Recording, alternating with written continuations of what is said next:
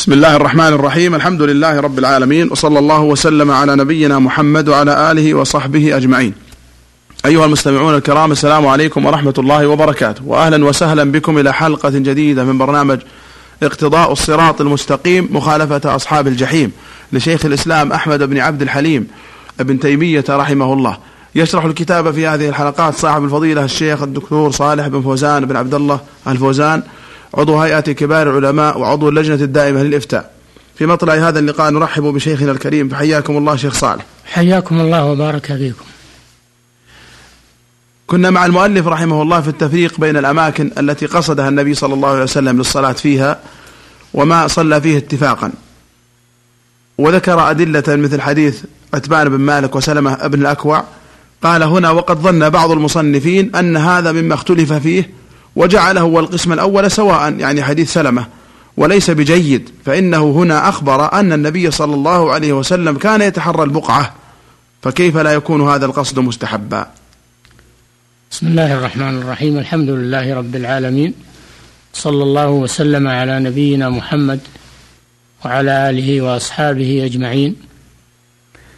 أما بعد فإن من استدل بقصة سلمة بن الأكوع وأنه كان يصلي عند الأسطوانة التي فيها المصحف لما رأى أن النبي صلى الله عليه وسلم كان يتحرى الصلاة عندها.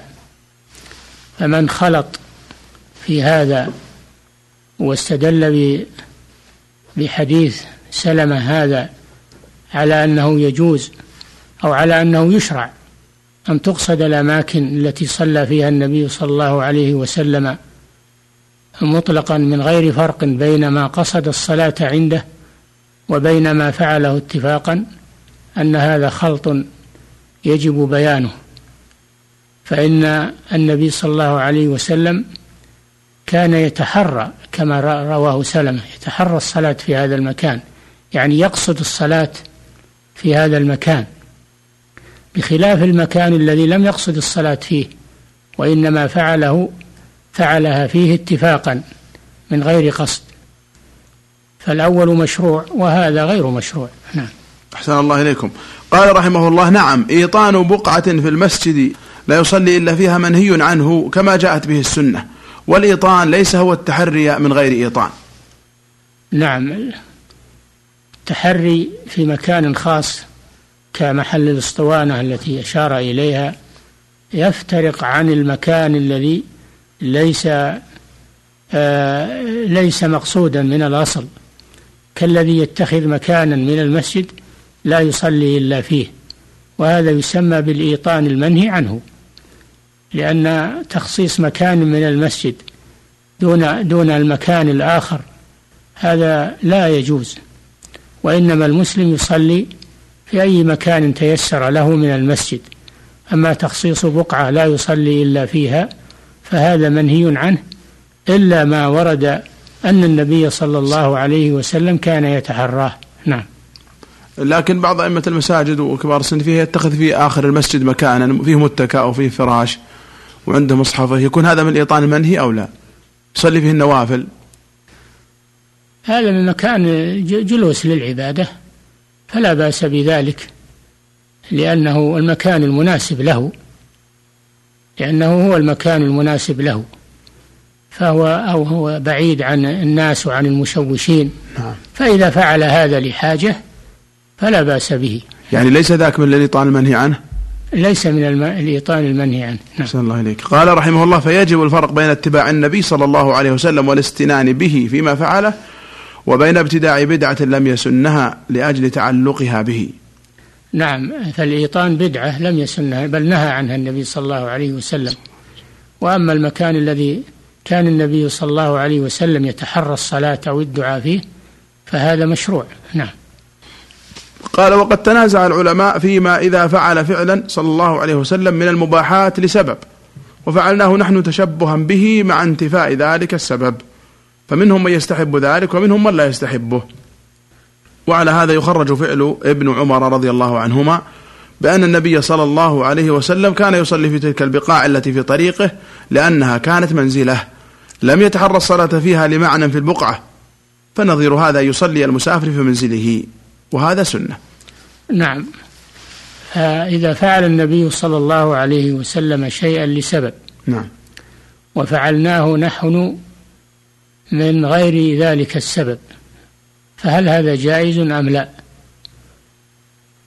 الصواب أن هذا لا يجوز اعتياده واعتباره سنة ما دام زال السبب. ومن ذلك المكان الذي صلى فيه النبي صلى الله عليه وسلم في سفره أو المكان الذي جلس فيه في سفره اتفاقا من غير قصد. وإنما فعله لسبب وهو إرادة الاستراحة في هذا المكان أو أداء الصلاة في المكان الذي أدركته الصلاة فيه. هذا هو السبب.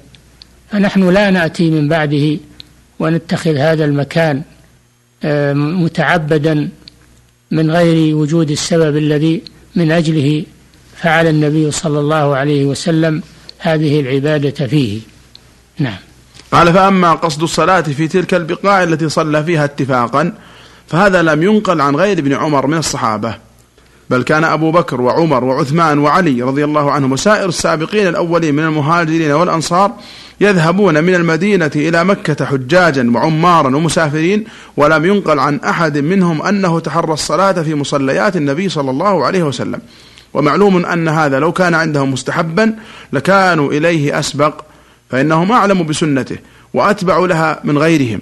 وقد قال صلى الله عليه وسلم عليكم بسنتي وسنة الخلفاء الراشدين المهديين من بعدي. تمسكوا بها وعضوا عليها بالنواجذ وإياكم ومحدثات الأمور فإن كل محدثة بدعة وكل بدعة ضلالة.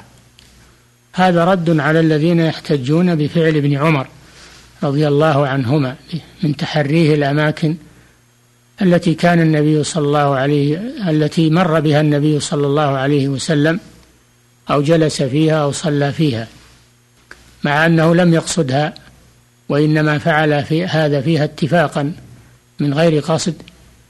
فكابر الصحابة من المهاجرين والأنصار كانوا ترددون بين مكة والمدينة ويمرون بهذه الأماكن التي جلس فيها النبي صلى الله عليه وسلم أو التي صلى فيها إذا أدركته الصلاة ولم يكونوا يقصدونها. فهذا يدل على أن ما فعله ابن عمر رضي الله عنهما مخالف لما عليه أكابر الصحابة.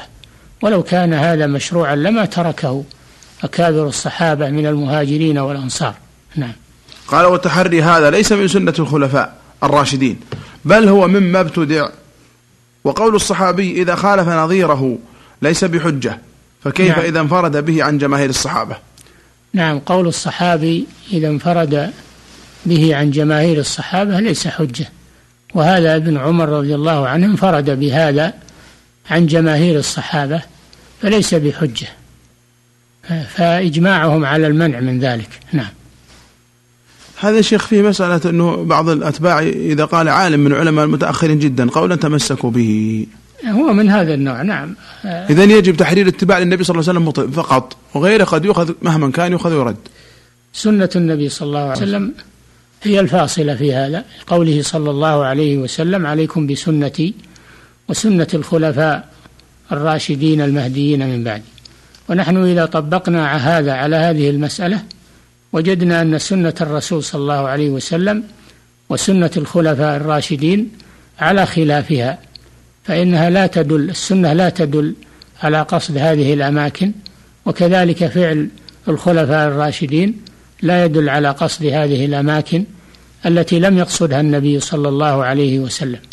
نعم. أحسن الله إليك. يعني مع مع محبتنا لعبد الله بن عمر وعلمنا أنه من كبار الحفاظ ومكثرين الرواية والحريص على النبي صلى الله عليه وسلم ونحن في هذه الحلقة نقول كثيرا ونتكرر بالشرح جزاك الله خير أنه أخطأ ابن عمر والصواب خلاف ما فعله.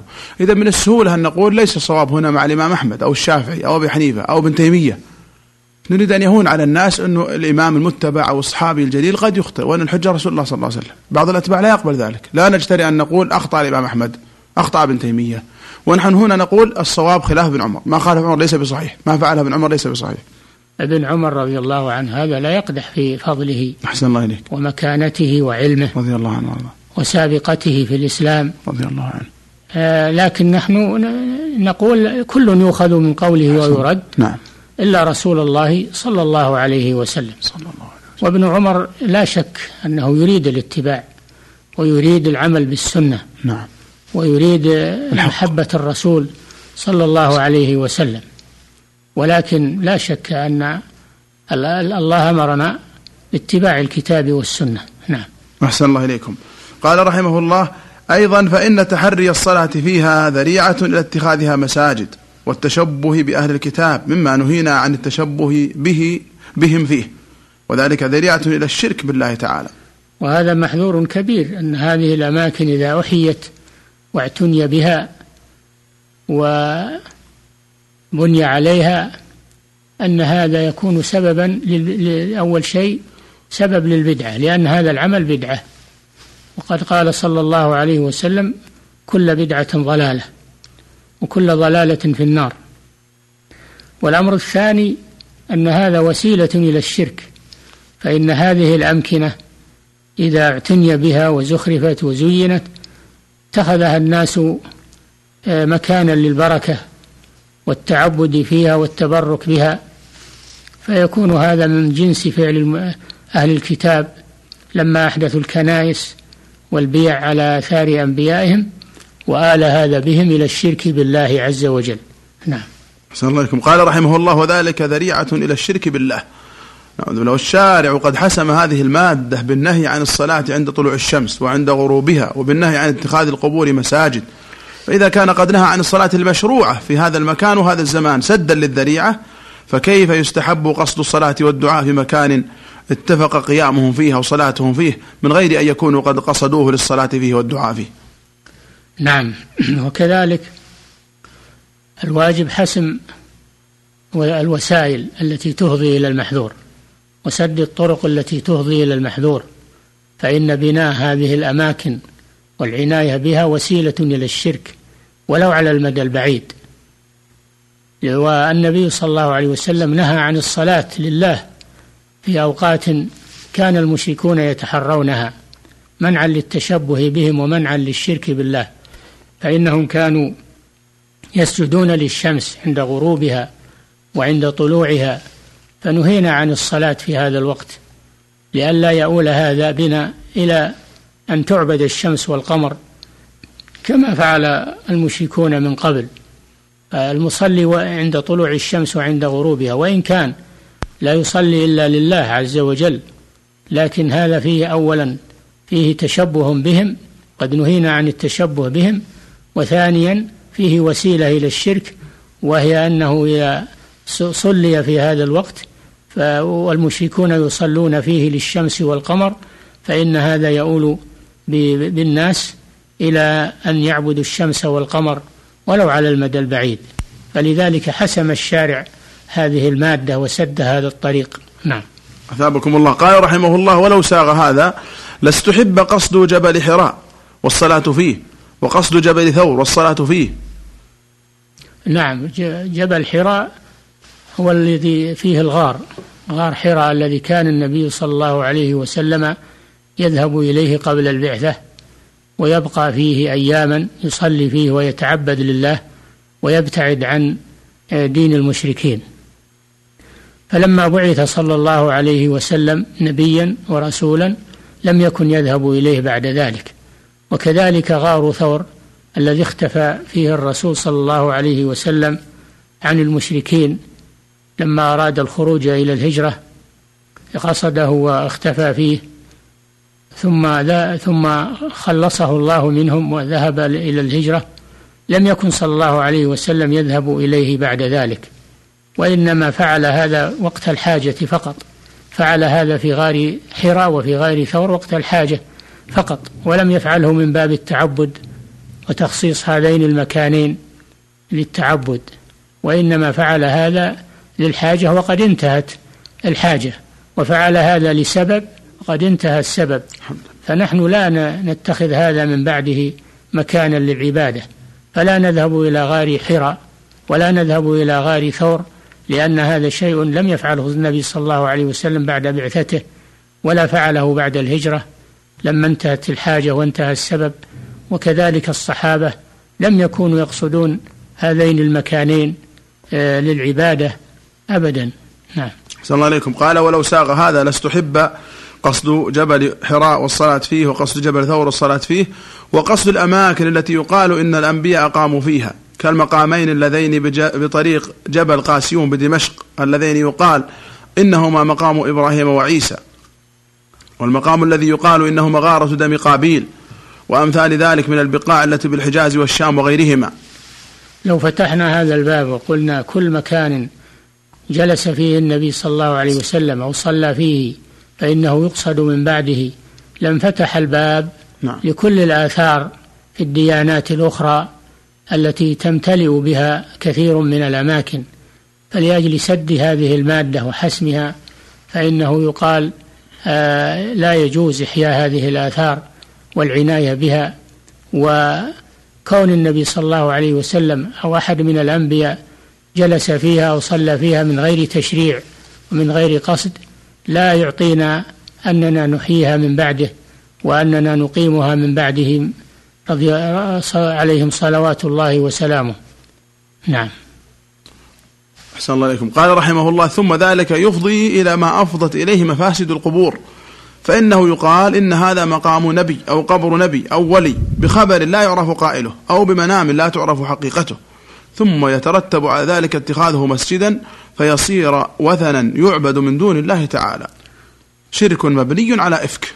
كما أنه اتخاذ هذه الأماكن التوسع في إحيائها وسيلة إلى انفتاح باب البدع والعناية بالمقامات والآثار التي تروى عن السابقين من الأنبياء والصالحين فيفتح هذا بابا على الإسلام فتهجر المساجد وتحيى المشاهد. فكذلك هذا أيضا فيه محذور أنه يفضي إلى الشرك بالله عز وجل فإن الشرك إنما يبنى على الكذب والافتراء. من الحكايات والمنامات وغير ذلك. نعم. قال رحمه الله شرك مبني على إفك. والله سبحانه يقرن في كتابه بين الشرك والكذب كما يقرن بين الصدق والإخلاص. ولهذا نعم. الله جل وعلا يقرن في كتابه بين الشرك والكذب. فالشرك كله مبني على الكذب وعلى الروايات المكذوبة. كما أن الإخلاص والتوحيد مبني على الصدق الله واليقين. الله نعم. ولهذا قال النبي صلى الله عليه وسلم في الحديث الصحيح عادلت شهادة الزور الإشراك بالله ثلاثا. نعم. فاجتنبوا الرجس من الأوثان واجتنبوا قول الزور حنفاء لله غير مشركين به. نعم فشهادة الزور وهي من أعظم الكذب قرنت بالشرك. قال صلى الله عليه وسلم عدلت شهادة الزور شركا بالله يعني ساوت ساوت الشرك. الله والله جل وعلا قال فاجتنبوا الرجس من الأوثان واجتنبوا قول الزور فقرن بين قول الزور وبين الرجس من الأوثان, من الأوثان لأن الشرك مبني على الزور وعلى الكذب. نعم. وقال تعالى ويوم يناديهم فيقول أين شركائي الذين كنتم تزعمون؟ الذين كنتم تزعمون والزعم هو أكذب الحديث. نعم. ونزعنا من كل أمة شهيدا فقلنا هاتوا برهانكم فعلموا أن الحق لله وضل عنهم ما كانوا يفترون. لا يقدرون أن يقيموا دليلا على شركهم. في يوم القيامة يطالبون بالبرهان فيعجزون عن ذلك ويعلمون أنهم كاذبون والعياذ بالله لأن الشرك مبني على الكذب. نعم. وقال تعالى عن الخليل إذ قال لأبيه وقومه ماذا تعبدون؟ أئفكا آلهة دون الله تريدون؟ ماذا تعبدون؟ أئفكا آلهة دون الله تريدون. فقرن بين عبادة غير الله وبين الإفك وهو الكذب لأن عبادة غير الله والشرك بالله مبنيان على الكذب والزعم والظنون. نعم. وقال تعالى ولقد جئتمونا فرادا كما خلقناكم أول مرة وتركتم ما خولناكم وراء ظهوركم وما نرى معكم شفعاءكم الذين زعمتم أنهم فيكم شركاء. لقد تقطع بينكم وضل عنكم ما كنتم تزعمون. الذين زعمتم أنهم فيكم شركاء. قد تقطع بينكم وضل عنكم ما كنتم تزعمون. والزعم هو الكذب. فهذا دليل على أن الشرك دائما مبني على الكذب والإفك. نعم. وقال تعالى تنزيل الكتاب من الله العزيز الحكيم. إنا أنزلنا إليك الكتاب بالحق. فاعبد الله مخلصا له الدين. ألا لله الدين الخالص. والذين اتخذوا من دونه أولياء ما نعبدهم إلا ليقربونا إلى الله زلفى. إن الله يحكم بينهم فيما هم فيه يختلفون. إن الله لا يهدي من هو كاذب كفار. لا يهدي من هو كاذب كفار. بعد قوله والذين اتخذوا من دونه أولياء ما نعبدهم إلا ليقربونا إلى الله زلفى. الله حكم عليهم بالكفر حكم عليهم بالكذب لأن الكفر مبني على الكذب. والبهتان. نعم. وقال تعالى ويوم نحشرهم جميعا ثم نقول للذين أشركوا مكانكم أنتم وشركاؤكم فزيلنا بينهم. وقال شركاؤهم ما كنتم إيانا تعبدون فكفى بالله شهيدا بيننا وبينكم إن كنا عن عبادتكم لغافلين. هنالك تبلو كل نفس ما أسلفت وردوا إلى الله مولاهم الحق وضل عنهم ما كانوا يفترون. وضل عنهم ما كانوا يفترون من الكذب والشرك بالله عز وجل وأن اتخاذهم هؤلاء الأولياء مبني على الكذب وعلى البهتان فيتجلى هذا يوم القيامة والعياذ بالله إذا جاء الحساب وطلبت الحجج والبينات. نعم. وقال تعالى ألا إن لله من في السماوات ومن في الأرض وما يتبع الذين يدعون من دون الله شركاء إن يتبعون إلا الظن وإن هم إلا يخرصون.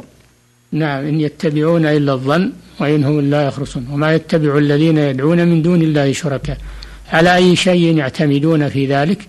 يعتمدون على الظن والظن هو أكذب الحديث. و ويتبعون إلا الظن وإنهم إلا, إلا يخرصون أي يكذبون. نعم. وقال تعالى إن الذين اتخذوا العجل سينالهم غضب من ربهم وذلة في الحياة الدنيا وكذلك نجزي المفترين. إن الذين اتخذوا العجل من بني إسرائيل وعبدوه من دون الله لما زين لهم السامري ذلك فإن سينالهم غضب من ربهم وذلة في الحياة الدنيا. سينالهم غضب من ربهم وذلة في الحياة الدنيا وكذلك نجزي المفترين. الشاهد في قوله وكذلك نجزي المفترين. لأن عبادتهم للعجل كذب وافتراء فدل على أن الشرك مبني دائما وأبدا على الكذب وعلى الافتراء. نعم. قال أبو قلابة هي لكل مبتدع من هذه الأمة إلى يوم القيامة. ليست خاصة بأهل العجل. بأهل, بأهل الكتاب اليهود الذين عبدوا العجل وإنما قوله تعالى وكذلك نجزي المفترين. هذا عام لكل مبتدع والبدعة كذب وافتراء على الله سبحانه وتعالى. تشريع دين لم يأذن الله به. نعم. قال شيخ الإسلام رحمه الله وهو كما قال فإن أهل الكذب والفرية عليهم من الغضب والذلة ما أوعدهم الله به. وهذا ظاهر عليهم في الدنيا وفي يوم القيامة يفتضحون والعياذ بالله حينما تنجلي الحقائق ولا يبقى إلا الصدق. نعم. والشرك وسائر البدع مبناها على الكذب والافتراء. دائما وابدا. الله أكبر. الشرك وسائر البدع ليس لها برهان وليس لها دليل وإنما مبناها على الكذب والافتراء والقصص الكاذبة والخيالات والمنامات كلها مبنية على هذه الأمور وعلى الأحاديث الموضوعة والمكذوبة. نعم. ولهذا كل من كان عن التوحيد والسنة أبعد كان إلى الشرك والابتداع والافتراء أقرب. نعم أهل الإخلاص وأهل التوحيد أقرب إلى الصدق دائما وأبدا ويتحرون الصدق. وأما أهل البدع وأهل الشرك فإنهم دائما مع الكذب ومع الافتراء وليس معهم حجة وليس معهم برهان. ونزعنا من كل أمة شهيدا فقلنا هاتوا برهانكم فعلموا أن الحق لله وضل عنهم ما كانوا يفترون. نعم جميع أهل الضلال والخرافات والبدع والكذب يعادون الحق وأهل الحق ولا تروق لهم المساجد آه، بيوت الله الخالية من الشرك والخالية من القبور وإنما يروق لهم ما كان مشتملا على الشرك ومبنيا على الإفك والمساجد التي يسمونها مساجد وهي مشاهد مبنية على قبور الأموات. التي نهى النبي صلى الله عليه وسلم عن اتخاذ القبور مساجد فهم يحرصون دائما وابدا على إحياء المشاهد وإماتة المساجد لأن المساجد لله قال تعالى وان المساجد لله فلا تدعوا مع الله احدا وأما المشاهد فإنها حبالة للشرك وأمكنة للشرك فهم يحرصون على إحيائها وعلى عمارتها. ولا ولا يحرصون على عمارة المساجد أو يدمرونها إذا قدروا على ذلك ويجعلون بدلها المشاهد الشركية. نعم. أحسن الله إليكم. قال رحمه الله والله سبحانه في كتابه إنما أمر بعمارة المساجد لا المشاهد فقال تعالى ومن أظلم ممن منع مساجد الله يذكر فيها اسمه وسعى في خرابها ولم يقل مشاهد الله. نعم الله جل وعلا سماها مساجد فقال وأن المساجد لله. فلا تدعوا مع الله أحدا. قال سبحانه إنما يعمر مساجد الله من آمن بالله واليوم الآخر وأقام الصلاة وآتى الزكاة ولم يخش إلا الله. فعسى أولئك أن يكونوا من المهتدين. وقال سبحانه وتعالى ومن أظلم ممن منع مساجد الله. سماها مساجد ونسبها إلى نفسه. سبحانه وتعالى تشريفا لها. بخلاف المشاهد فإنها ليست لله عز وجل. ولهذا لم يقل مساجد الله لم يقل مشاهد الله وإنما قال مساجد. ففرق بين المساجد والمشاهد. نعم. أحسن الله إليكم شيخنا وجزاكم خيرا. أيها المستمعون الكرام إلى هنا نأتي إلى نهاية هذه الحلقة من برنامج اقتضاء الصراط المستقيم لمخالفة أصحاب الجحيم. مع صاحب الفضيلة الشيخ صالح بن فوزان الفوزان. شكر الله لشيخنا ما تكرم به من الشرح والبيان وشكر لكم حسن استماعكم ونفعنا وإياكم بما نقول ونسمع. هذه في الختام تحية أخي مهندس الصوت عثمان بن عبد الكريم الجويبر. حتى نلقاكم في الحلقة القادمة إن شاء الله. على خير نستودعكم الله. والسلام عليكم ورحمة الله وبركاته.